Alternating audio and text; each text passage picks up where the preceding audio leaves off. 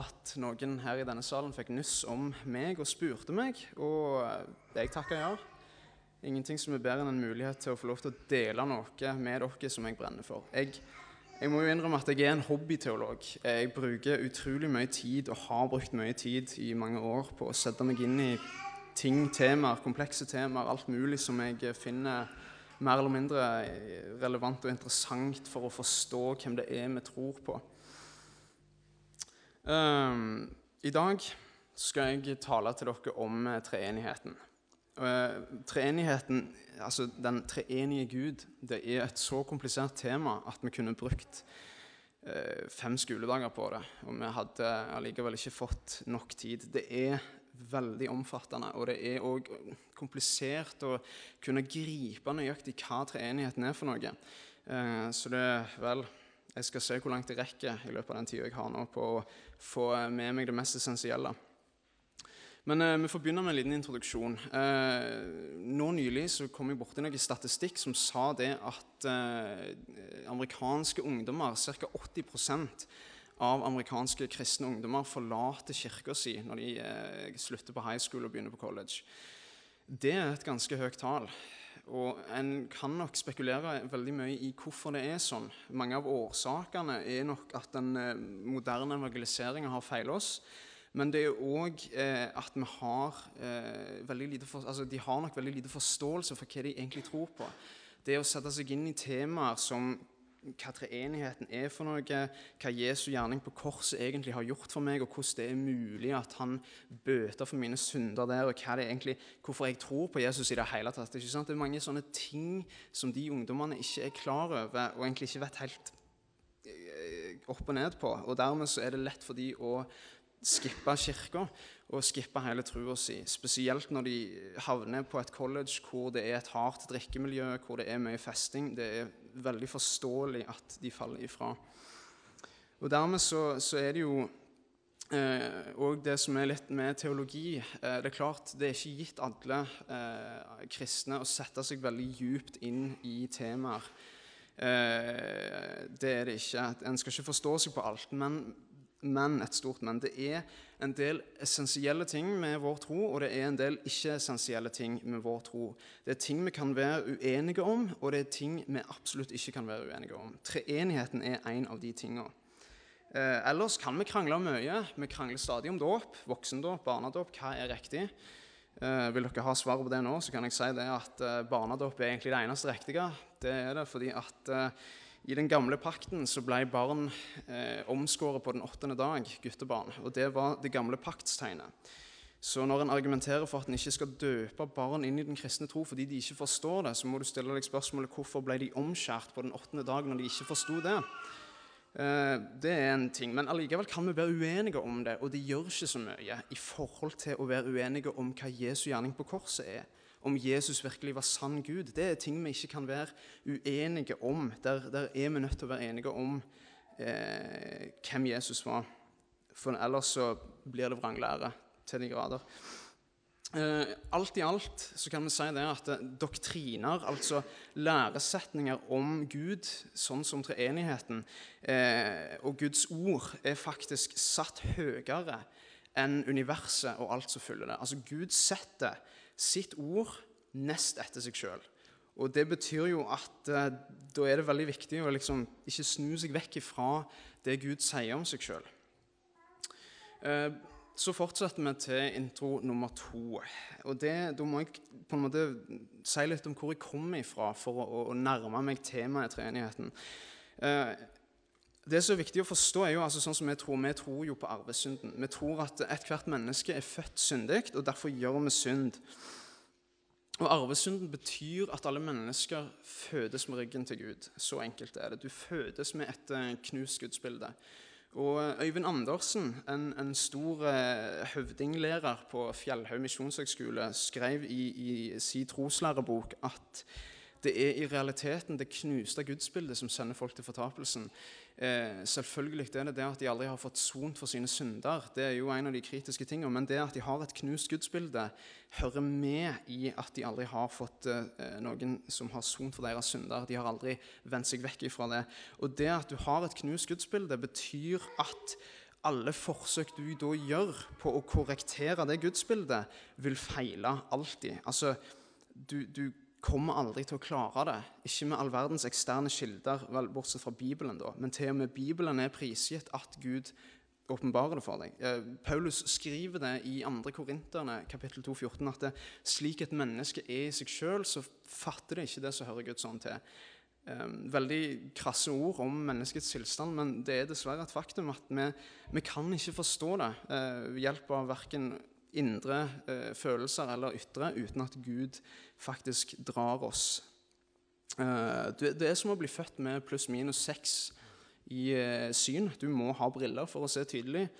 Brillene har du her, og så har du eh, heldigvis et levende ord som kløver gjennom marg og bein, og som gjør at vi får komme til tro.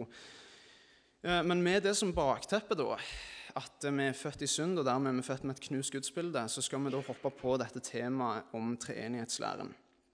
Eh, og pga. at mennesker har et knust gudsbilde før de er blitt frelst, så eh, er treenigheten en av de læresetningene, en av de doktrinene som er under veldig hardt angrep. Um, en av årsakene til det er at treenigheten er vanskelig å forstå. Det er det ingen tvil om. Mange kristne har brukt flere år av sitt liv på å gruble over hva i all verden treenigheten egentlig er for noe. Um, og Den andre årsaken til at, at uh, veldig mange angriper treenigheten, er at det, det, finnes ingen konkret læresetning som klart definerer treenigheten i Bibelen. Det finnes ingen plass der ordet treenighet er brukt. Så treenigheten er egentlig et sammensatt ord, satt sammen av hva Jesus sa for noe. Så når du ikke på en måte finner noe som klart altså, Du kan si Nattverden defineres veldig tydelig i Paulus brev til korinterne. Der står det gjennomført hva nattverden er for noe. Men du finner ingen sånne beskrivelser av treenighetslæren. Men fortvil ikke. I løpet av denne talen her så skal jeg vise dere hvorfor treenigheten faktisk er nødt til å være en logisk eh, altså Hvorfor det logiske er nødt til å eksistere en pluralitet i Gud. Eh, Men uansett eh, Ordet pluralitet forresten, det betyr eh, Tilstanden av å være plural er at du er større, mer enn én. Det har en del andre bruksområder, men hovedsaken av å være plural betyr at du er mer enn én. Eh, men før vi går i et dypdykk i Bibelen, så skal vi snakke litt om hva treenigheten ikke er for noe. Og det er ordet modulisme. Har dere hørt det før? Modulisme er en forståelse av at Gud har masker som han tar på seg for å utfylle de tre rollene vi kjenner som Faderen, Sønnen og Den hellige ånd. Eh, det er egentlig så utrolig kritisk eh, vranglære at det, du kan faktisk reelt sett ikke kjenne Gud hvis du tror det. Fordi at det, det undergraver hele det store mysteriet hvem Gud er, og hvem han åpenbarer seg som i Bibelen. Men, men, poenget er rett og slett at det, eh, veldig mange eh, De kaller seg for unitarianere i USA, som benekter at treenigheten er reell. De klynger seg da til modulismen, og så forklarer de det med at eh, Gud i Gamle testamentet tok på seg en maske og var Faderen. I Nye testamentet kom han ned til jord og ble Sønnen.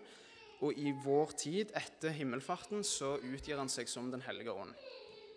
Eh, men det undergraver egentlig veldig mye av hva Gud sier om seg sjøl i Bibelen. Uh, og det er, det er, veldig mange universalister som klynger seg til den læren.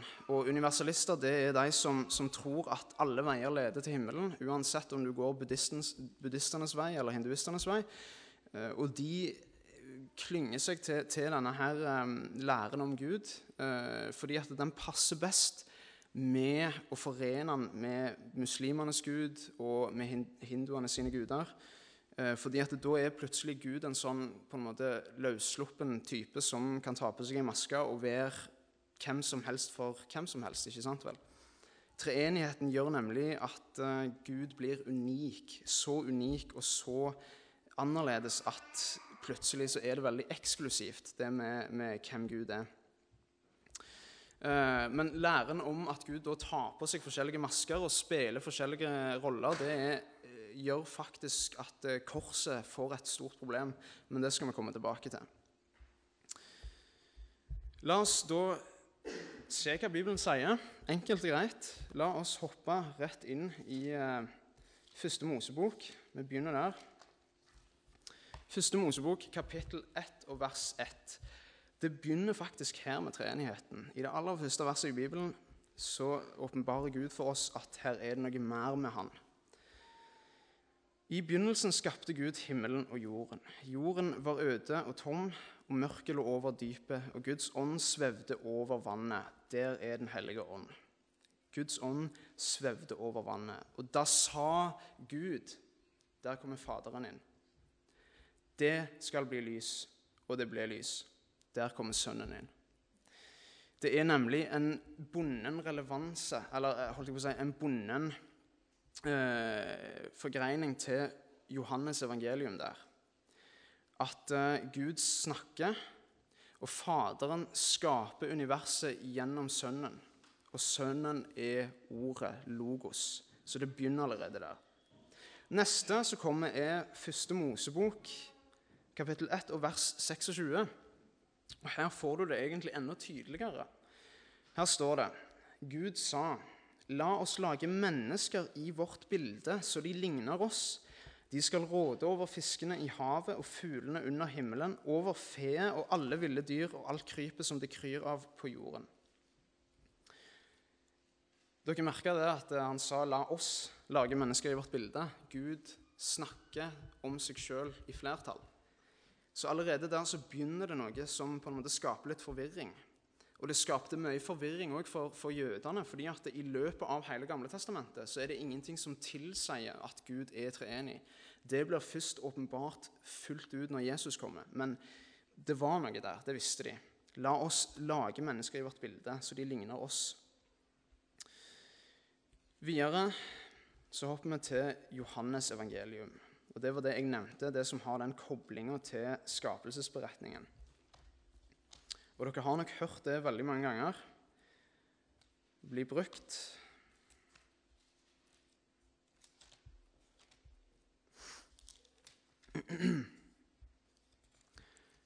For i Johannes evangelium kapittel 1 så står det I begynnelsen var Ordet. Ordet var hos Gud, og Ordet var Gud.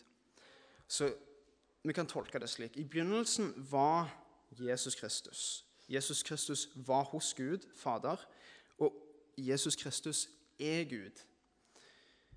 Eh, og det binder da sammen Første Mosebok på den måten at eh, ordet som ble brukt til å skape med, det er da Jesus Kristus. Ved ham har alt blitt til, står det skrevet.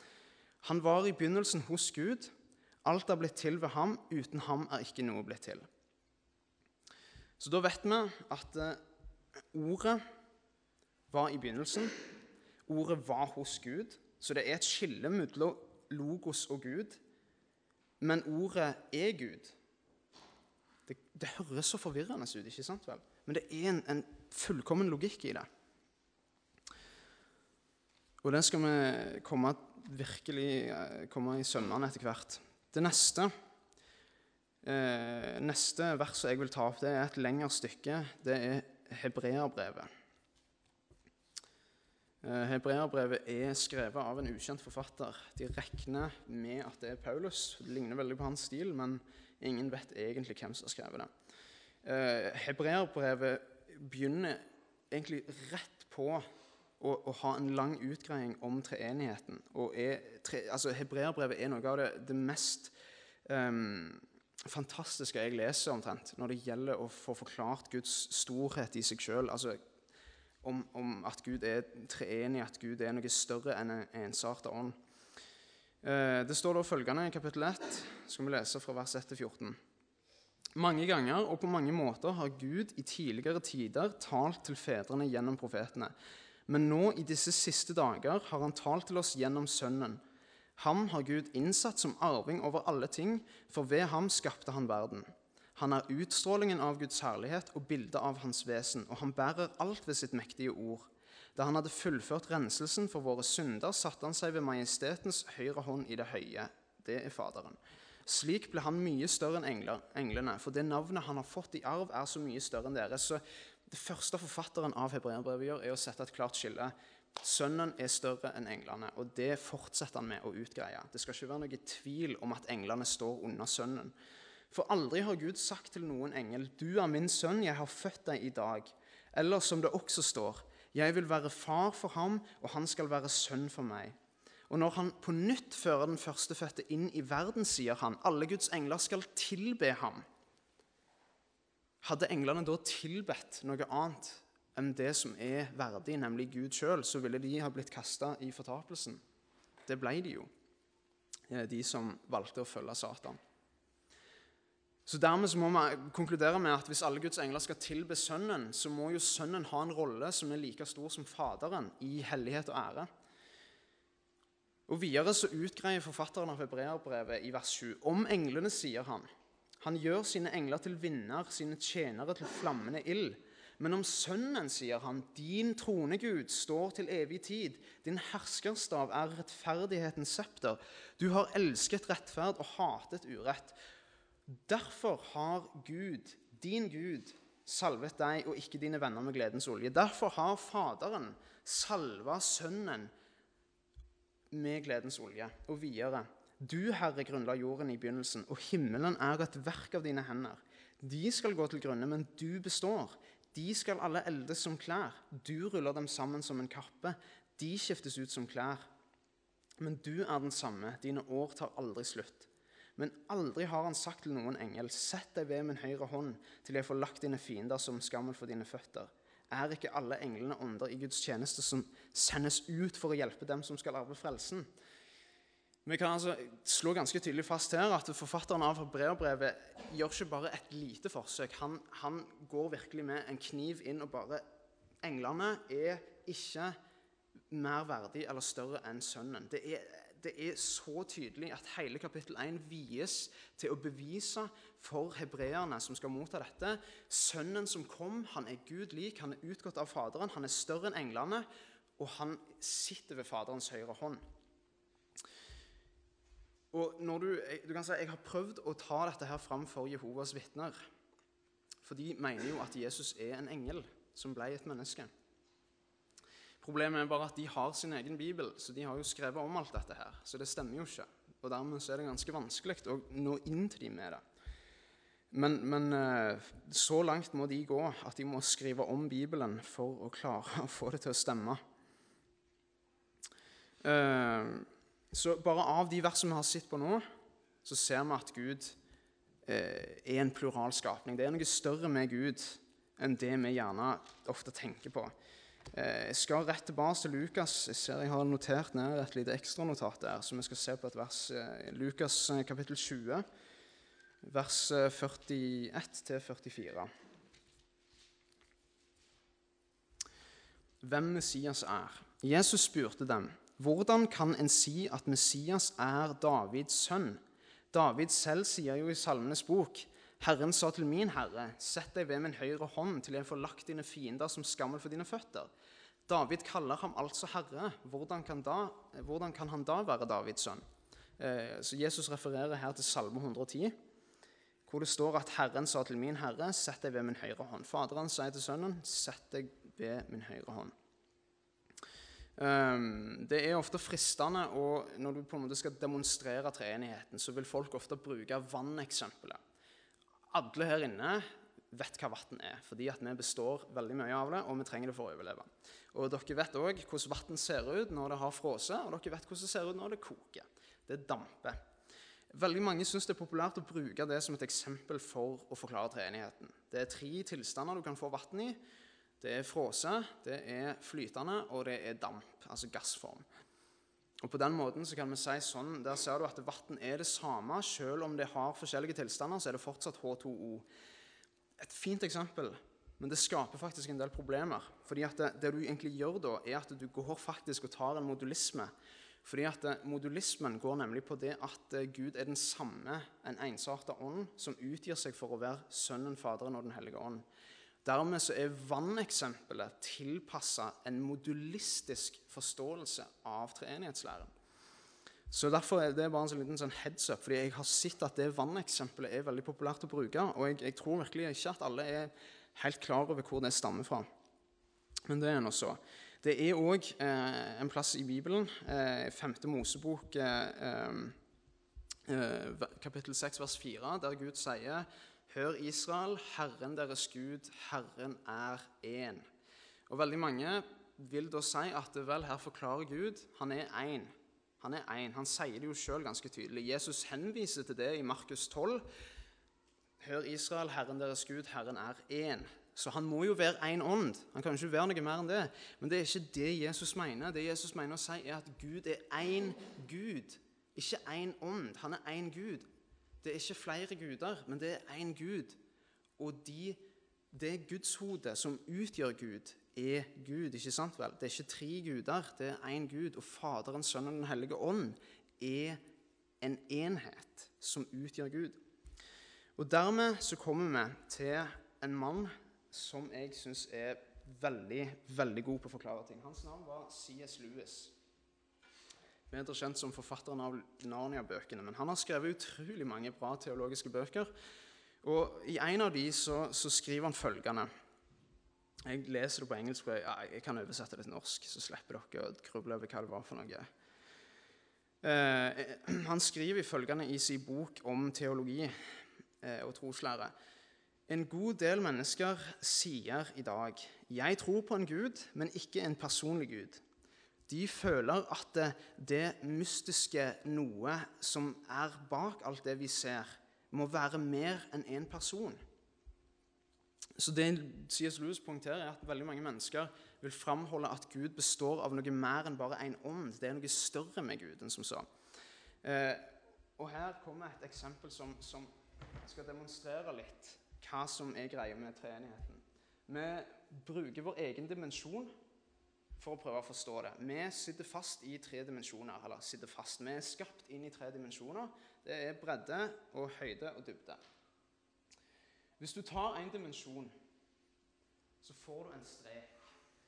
Og Hvis vi forestiller oss at den streken der består av én dimensjon, verken bredde eller dybde Nå er det et problem, da, fordi at den tusjen her den etterlater en høyde på papiret. Men la oss bare forestille oss at det er ingenting mer med, det, med den streken enn bredde.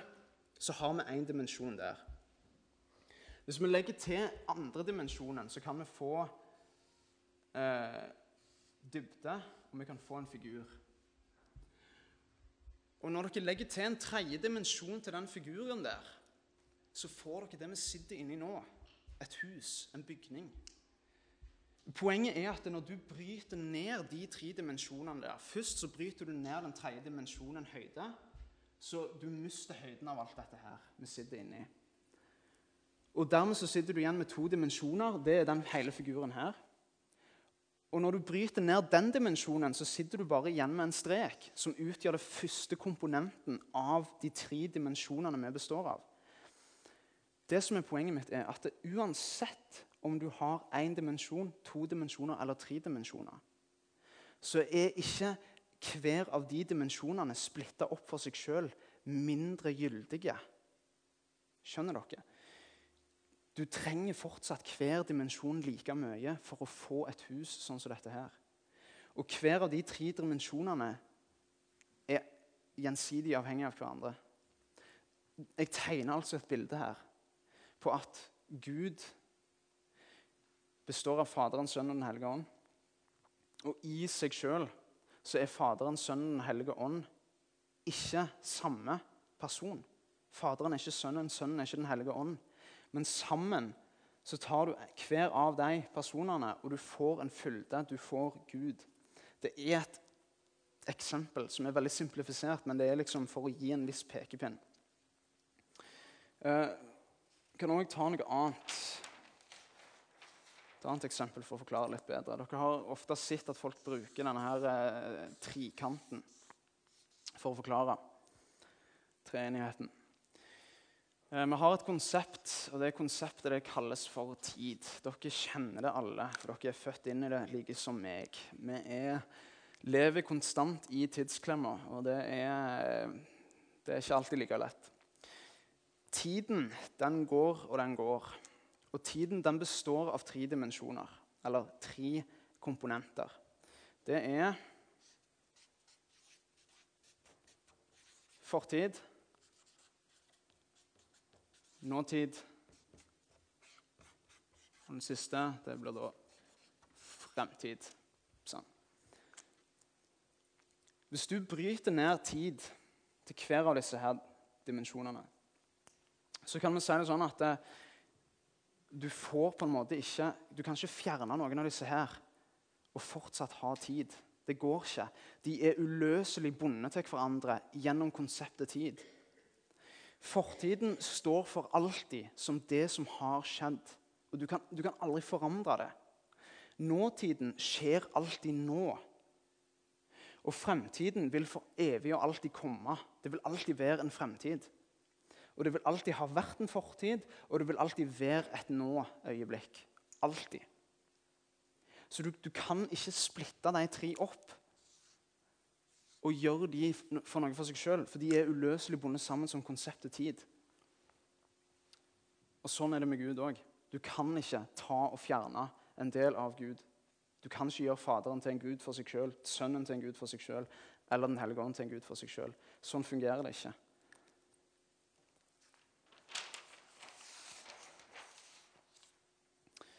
Det er noen som en gang viste meg et eksempel som jeg tenkte litt som, så som så om. Og det var at de, de eh, skulle forklare treenigheten ved hjelp av å bruke sola. Um, og Måten de gjorde det på, var å snakke om at sola sender solstråler varme.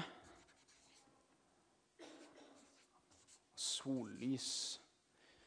Og at du på en måte kan forstå konseptet ut ifra der. Men igjen, altså, det, det, jeg er veldig pirkete her, men poenget mitt er at jeg er pirkete for pirkhetens skyld. fordi at det, Når vi forklarer noe så på en måte eh, komplisert som treenigheten, eh, så kan du si at å bruke det eksempelet her, det utgjør bare altså, Det de gjorde, var å si at sola egentlig er Gud som sender ut solstrålen og sender ut varmen. Problemet er bare at det, du setter det som et ob objekt. Altså, for å si det på en annen måte, Sola er et objekt som vi har på himmelen. Vi ser den hver dag. Den kommer og forsvinner i, i eh, vest hver kveld. Og det som er Problemet med å bruke sola er at du, du forvirrer ofte. Mange da tenker at liksom, ok, så sola er Gud, okay, og solstrålen det er da Sønnen. Og, og, Da er bare Jesus en effekt av Gud, og varmen, som er Den hellige ånd, er bare en effekt av Gud. Og det, er, det, som er greia er at det, det er akkurat som med vanneksempelet. Det skaper en del forvirring. Jeg har hørt veldig mange som har vært forvirra over hva som er greia med dette. her. Så hvis dere noen gang vil på en måte vise det til andre, hva som er greia med treenigheten, bruk konseptet om tid. For tid er ikke et fast objekt. Og tid er noe som er eh, bundet sammen av de tre dimensjonene uløselig. Fortid, nåtid og fremtid. Det gjør at du lettere kan se å forstå at Gud er satt sammen av noe mer enn en ensartet ånd. Altså, Det hjelper deg på veien til å forstå dybden av noe som egentlig er en matematisk umulighet. At Gud består av tre, men er én samtidig. Det er det som er poenget med disse eksemplene. å prøve liksom å bare, vi, vi, vi, går liksom inn i sånne eksempler for å gjøre det litt lettere for oss sjøl. Uh, nå har jeg snakket om dimensjoner, men det er én ting som jeg vil at dere virkelig skal forstå med dette. her, og det er at eh, Gud er ikke bundet i dimensjoner. Um, det er litt kritisk, fordi at eh, jeg, jeg, bruker jo dette eksempelet her om de tre dimensjonene vi lever i osv. Men eh, det er mer for å gjøre det lettere for oss å forstå treenigheten. Men men jeg skal etablere det som et faktum med en gang. Gud er ikke fanga i noen dimensjoner. Han står utenfor alle dimensjoner, utenfor universet. Han er ikke bundet av noen ting, verken tid eller rom eller sted. Eh, og Det er jo derfor han er Gud.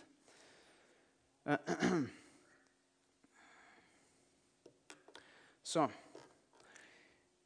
når et menneske som er født med et knust gudsbilde, gjør et forsøk på å forklare treenigheten eller at Gud er mer enn en person, så vil det som sagt ofte ende opp med å bli ganske feil. Hadde jeg skulle ha forklart dette her uten å være en kristen, det, og uten at Gud hadde åpenbart seg for meg og, og, frelst meg, så hadde jeg ikke hatt sjans i havet. Det hadde bare blitt rot. Jeg hadde aldri grepet tak om det. Um, og, og, det er liksom det som er litt interessant med det, at det, at det, er, det er et konsept som er så ufattelig ubegripelig når du går i dybden på det, at du forstår at mennesker kan virkelig ikke ha funnet opp dette her. Eh, det neste vi skal se litt på, det er samfunnet. Vi mennesker vi lever i samfunn med hverandre. Og eh, samfunnet beviser faktisk for oss at Gud er treenig. Eh, når du tar et monoteistisk konsept av Gud, sånn som muslimene har Vi òg er monotistiske. Vi tror at Gud er én. Men vi er ikke monotistiske i den grad at vi eh, tror at Gud er en ensarta ånd. Muslimene tror det. Muslimene tror at Allah er en ensarta ånd som har vært til i all evighet av. Og, og det finnes ingen som er hans like. Eh, problemet med det konseptet det er at eh, du klarer ikke å forklare f.eks. For hvis Gud, når han sier i sitt ord at han elsker, så må vi spørre hvem elsker han før skapelsen, da? Og når Gud sier at han taler, så er spørsmålet hvem talte han til før skapelsen? De to fundamentale spørsmålene gjør at verken kjærlighet eller kommunikasjon kan eksistere hvis Gud har vært en ensarta ånd.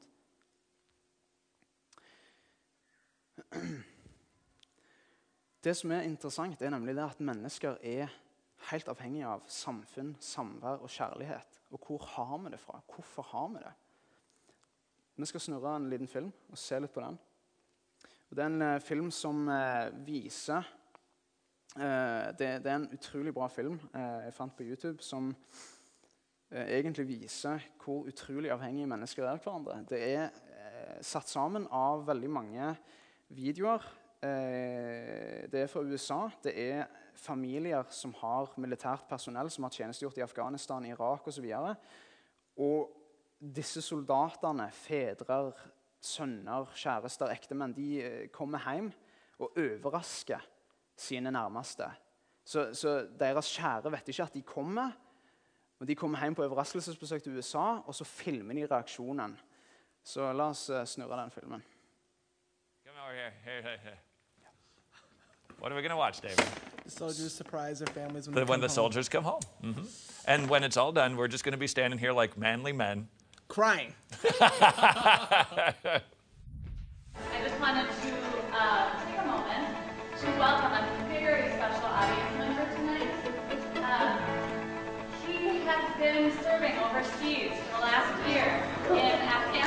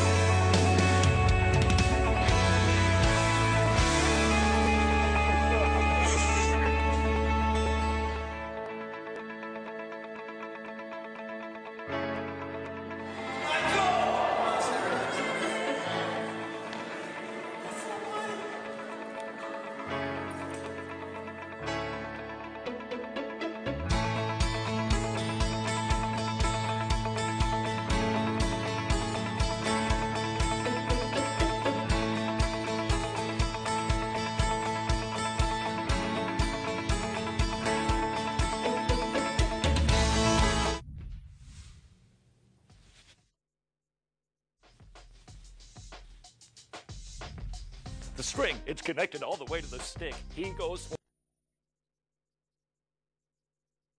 på det, det er hvor mye det betyr for oss mennesker at uh, vi har samvær med hverandre.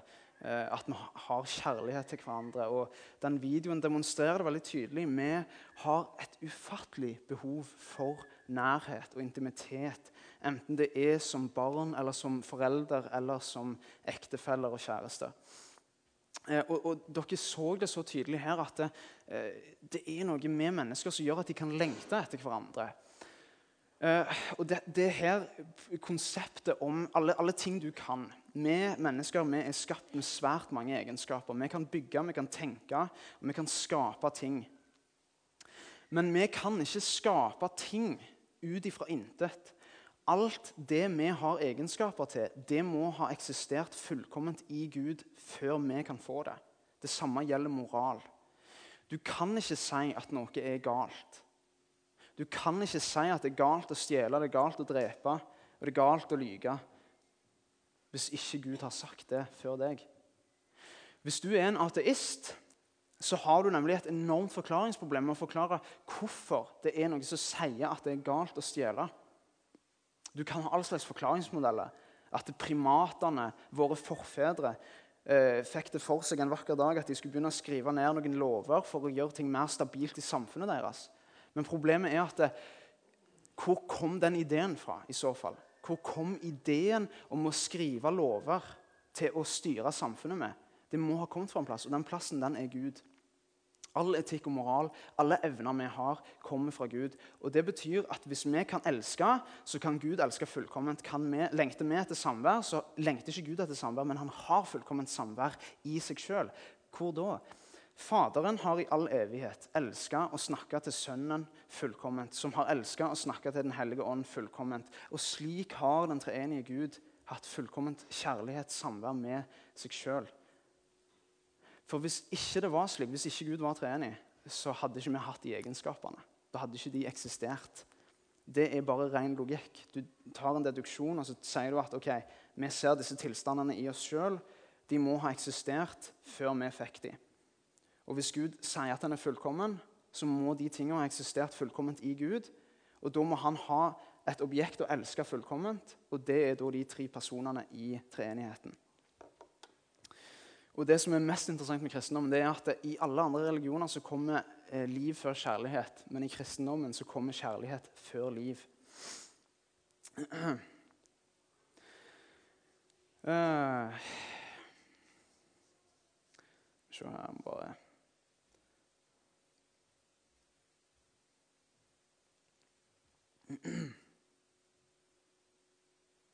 Ja, eh, og det, det, jeg skal komme litt inn på nå, det handler litt om, uh, videre om hva, hva, andre problemer det gir. Hvis, uh, hvis Gud ikke er treenig, så vil vi òg få, få, problemer med å forklare hvordan han kan være allmektig. en av de tingene som, som, på en måte slår meg veldig mye, det er når vi tenker på fallet til Satan. Det står i profeten Esekiel at Satan var en opphøyd kjerub en, en form for engel, som Gud hadde plassert høyt. Og han vandra i Edens hage før han falt. Fullkommen, står det. Som betyr at uh, før Satan falt, så var han i Edens hage. Og han tjente Gud med trommer og harper og lyrer. Når Satan går til opprør mot Gud, så gjør han det på grunnlag av et sjalusi. Han ønsker å ta Guds trone. Og her er hele greia. Hvis Gud hadde vært en ensarta ånd, så hadde han stilt på lik linje med Satan. Fordi at når du består av én dimensjon inni de tre som vi er i Vi er ensarta ånder og sjeler. Jeg består ikke av tre personer. Vel, det er ikke alle som det er ikke alle som på en måte er friske i hodet. Noen har sykdommer som gjør at de får det du kaller for en splitta syke. Men når vi ser vekk fra det, så vet vi at de òg er bare én ånd, én sjel. Og Hvis Gud hadde vært én ånd og én sjel, ikke tre, så hadde meg og Gud stilt på lik linje. Det betyr at Satan kunne ha overvunnet Gud. men Satan har ikke sjans. Hvorfor? Fordi at Gud består av noe som er langt større enn han. Du ser at Hvis, hvis det skapte hadde vært likt eller større enn Gud, så hadde vi hatt et enormt problem med å forklare hvordan i all verden vi egentlig kan være skapt av Gud. Med andre ord så må altså Gud ha en større dimensjon med seg sjøl enn det vi er. Gud må altså bestå av noe mer enn én en ensarta ånd. Ellers hadde han aldri klart å vunne over Satans opprør. Det siste vi skal se på i dag, det er det som kalles for korsets gjerning. Det som gjør at vi samles, det som gjør at vi tror, det som gjør at vi er frelst. Det som Jesus kom for å gjøre. Og her er et stort problem. Du ser at Hvis modulismen er sann Modulismen var altså læren om at Gud tar på seg forskjellige masker for å utgjøre sine roller. Og hvis, hvis det er sant at Gud bare er én ånd, en ensartet ånd, så er faktisk korset ugyldig. Da er det en umulighet. Det som skjer på korset, det er at når Jesus bærer våre synder, så tømmes Faderens vrede på han som henger på korset. Og den vreden hadde han samla opp for menneskers synder. Og det er kun på den måten at sønnen kan påta seg all den straffen som vi skulle hatt. Så Faderen forlater sønnen på korset. Han bryter et forhold som har vart i all evighet. Problemet er at hvis Gud er én ånd, og hvis Gud bare består av en ensartet ånd, så har vi et problem med å forklare hvordan han kan sone for våre synder. Hvordan han kan være to plasser samtidig. Og hvordan den ene delen av treenigheten kan tre inn for oss, mens den andre straffer. Det er et enormt problem å forklare for Jehovas vitner òg. Eh, du ser det at, eh, og Her er liksom det som gjør at hele Jehovas vitners tro brister. Hvis det er slik som Jehovas vitner tror, at Jesus Kristus egentlig er erkeengelen Mikael som ble menneske, så har vi aldri fått våre syndeskyld utsletta. Altså, vår syndeskyld er ikke utsletta, enkelt og greit. For når du går tilbake til Israels tid, så ser vi det at eh, Gud innstifta ritualene, offringen, den daglige ofringen. Og de ofra dyr for å behage Gud. Det høres jo sånn ut som en sånn eh, holdt jeg på å si, hedenskapsreligion, men det er ikke det. Det var nemlig ikke slik at det skulle behage Gud på en sånn måte som eh, maya-indianerne gjorde det for. Men det var slik at det skulle gi et bilde av det som skulle komme. Vi lar en sau blø ut her for å gi et bilde på at en dag skal det komme en som skal blø og sone for oss en gang for alle, sånn at vi slipper dette ritualet mer. Men de gjorde det for å minne seg sjøl. Og blodsutgytelsen var det som måtte til for å sone for våre synder. La meg da gi dere, et eksempel. Hvis jeg gir mobilen min til Arnt Ove, og Arnt Ove får låne min mobil, og så ødelegger han mobilen min Og så sier jeg det var synd, det, Arnt Ove, men jeg tilgir deg. Men du må betale for mobilen min. Da har jeg i realiteten ikke tilgitt han. Jeg har egentlig bare flytta skylda over på han. Og vel, han er jo rettmessig der, da. Men når han betaler for den mobilen han ødela, så har han gjort opp for seg. Jeg har ikke tilgitt han, for han har gjort opp for seg. Eller jeg kan si at kona di skal betale for den mobilen du ødela. Men da har jeg bare flytta skylda over på en uskyldig part. Og hvis kona til Ove betaler for min mobil, så har jeg fortsatt ikke tilgitt han som ødela han. Den eneste måten du i sannhet kan tilgi, er på å gjøre som Gud gjorde med oss betale syndeskylda sjøl. Dermed kan vi jo tenke det at okay, Hvis Jehovas vitner har rett, så kunne jo hvem som helst ha hengt på det korset. En hund, en sau, en engel, hva som helst for å betale for våre synder. Men realiteten er at det hadde aldri vært godt nok for Gud. Fordi sann tilgivelse kommer når den som holder skyldsbrevet, og skyldneren slipper unna oppgjøret, mens den som holder skyldsbrevet, gjør opp sjøl. Altså, Gud, Fader, sender Sønnen for å sone for våre synder. Og det er den eneste måten det fungerer på. Det er den eneste måten vi kan bli tilgitt på, var hvis den som hang på det korset, var lik Gud Fader. Ellers hadde det aldri funka. Det hadde aldri gått. Fordi at det er kun det som er godt nok for Gud. At det er et fullkomment offer. Og Dermed så hadde det jo også blitt et feil bilde. Altså, dere kan se for dere den scenen da, som utspiller seg i himmelen etter syndefallet. Og Hvor Gud da vil henvende seg til englene og si du, Mikael, kom deg ned og betal for menneske, menneskets synder. Det henger ikke på greip plass. Det er ikke kjærlighet, det er ikke ekte og det er ikke sann tilgivelse. Og Dermed så må vi også forstå at i den logikken der, han som hang på korset, må være fullkommen Gud. Han må være fullkommen lik Faderen. Og Faderen straffer han samtidig. Vel, da er det en pluralitet i Gud som er større enn det vi kan begripe. Til slutt skal jeg ta for meg et eksempel som gjør at kanskje ting blir litt lettere å forstå.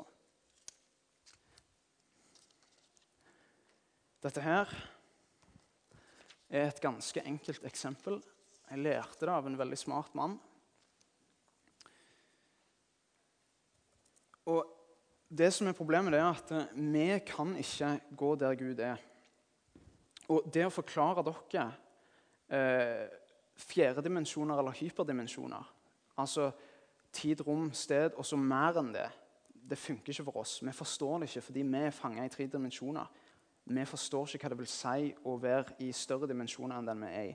Men det fins en annen metode å forklare det på, og det er å gå andre veien. Det er å gå ned i to dimensjoner. Jeg har lagd et hus i to dimensjoner her. Nå, Nok en gang så er det et høyde på dette arket, her, men vi ser vekk ifra det. Det er ingen høyde her. Og dette her, dette her er de flate menneskene, eller flate personene, kan man si, som bor i flatland. De har to dimensjoner. De har bredde, de har dybde, men de har ikke høyde. De er paddeflate. Det er ingen høyde her. Så de forstår ikke hvordan ting ser ut ovenfra. Når de tre personene her står og ser på det huset, så ser de det bare som en strek. De ser ikke en helhet, de ser bare en strek. Og De går rundt huset, og de ser streken på andre sida, men de kan gå inn i denne streken. Og når de er inni, så er de omgitt av fire streker, og de klarer ikke å se de som er på utsida. Så en vakker dag kommer det en merkelig skapning til deres verden.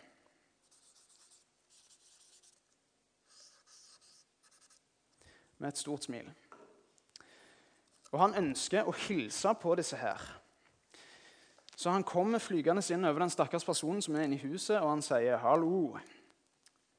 Og den personen som er inni her, forstår ingenting fordi han hørte nettopp en stemme men han skjønner ikke hvor den stemmen kommer fra. Han kan ikke se oppover, fordi den, han forstår ikke høyde. Han forstår ikke hva høyde er for noe.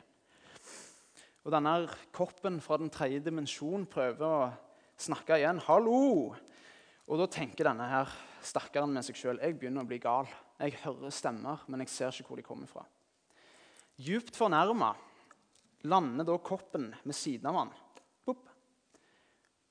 Og fra intet så oppfatter da denne flatingen her at det kom noe. Helt plutselig dukka det opp noe. Og det ser ut som en strek, en sirkel. Men bare en strek. Han ser ikke fylden. Og Etter hvert som denne koppen da går igjennom hans gulv, så oppfatter han bare at den streken blir bredere og bredere, og bredere, helt til han ser kanten her på det aller bredeste, og plutselig er han borte. Og han tenker det var rart. Så går koppen unna han og løfter han opp, opp, opp, opp og slipper han. Og Plutselig så ser han verden fra en måte han aldri har sett den på. Han ser huset sitt, han ser sine venner, og han skjønner for første gang hva det er han ser. Han ser et syn han aldri har sett, og det er å se ting ovenfra. For han har ikke den dimensjonen. Og når han da flyr ned gjennom og lander ved siden av vennene sine, så vil det for deg virke som at han plutselig var der. Han vet hvor han kommer fra. Han har sett hele tida. nå kommer jeg snart til dem. Bang! Så var det for deg som om han plutselig dukka opp fra intet fra løse lufta. Hva tenker dere på da? Når disiplene var samla etter Jesu oppstandelse og var livredde, og plutselig så sto Jesus midt iblant dem uten å gå inn døra. For eksempel. Med det eksempelet i bakhånd så kan dere skjønne litt mer av at det er noe som er større enn det vi lever i. Helt til slutt så skal jeg lese i Isaiah 40, 28. Det er et fantastisk, fantastisk vers.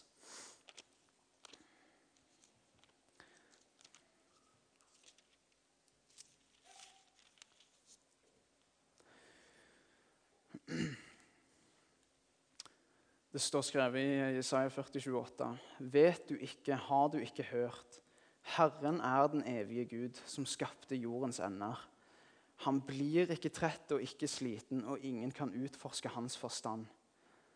Ingen kan utforske hans forstand. La det stå som en avslutning og to streker under svaret. Vi kan forstå en del av Gud, men vi kommer til å bruke en all evighet på bare å forstå enda litt mer enn det vi gjør i dag. Gud er uendelig, og han har en glede for oss som er uslukkelige. Og det er nettopp det når folk lurer på hva i all verden vi kristne skal bruke evigheten på sammen med Gud. Da pleier jeg å si det. Vi kommer til å bruke resten av evigheten på å prøve å forstå mer av Gud. Og vi kommer bare til å gå én flik av gangen. Kjære Gud, kjære himmelske Far, takk for dine underfulle gjerninger. Takk for din storhet og din godhet. Takk for at du har frelst oss så mektig. Jeg ber om at du, Herre, griper fatt i alle her inne og, og brennmerker dem med deg, Jesus. Med din storhet og med din godhet. Og jeg ber deg, Jesus, omslutt du oss. Og la oss få kjenne hvor mye du både elsker oss og vil ha oss og være oss nær. Og hvor stor din frelse er, Herre. Jeg ber om at vi alle sammen skal bli dratt nærmere deg. At vi skal forstå mer av deg og den du er. Og at vi skal få mer tørst etter å, å se deg, Herre. Og være i ditt ord og høre ditt ord. Jeg ber for at vi skal bli holdt fast i troa på deg, og at du holder oss fast, sånn at vi ikke går oss vill. I Jesu navn. Amen.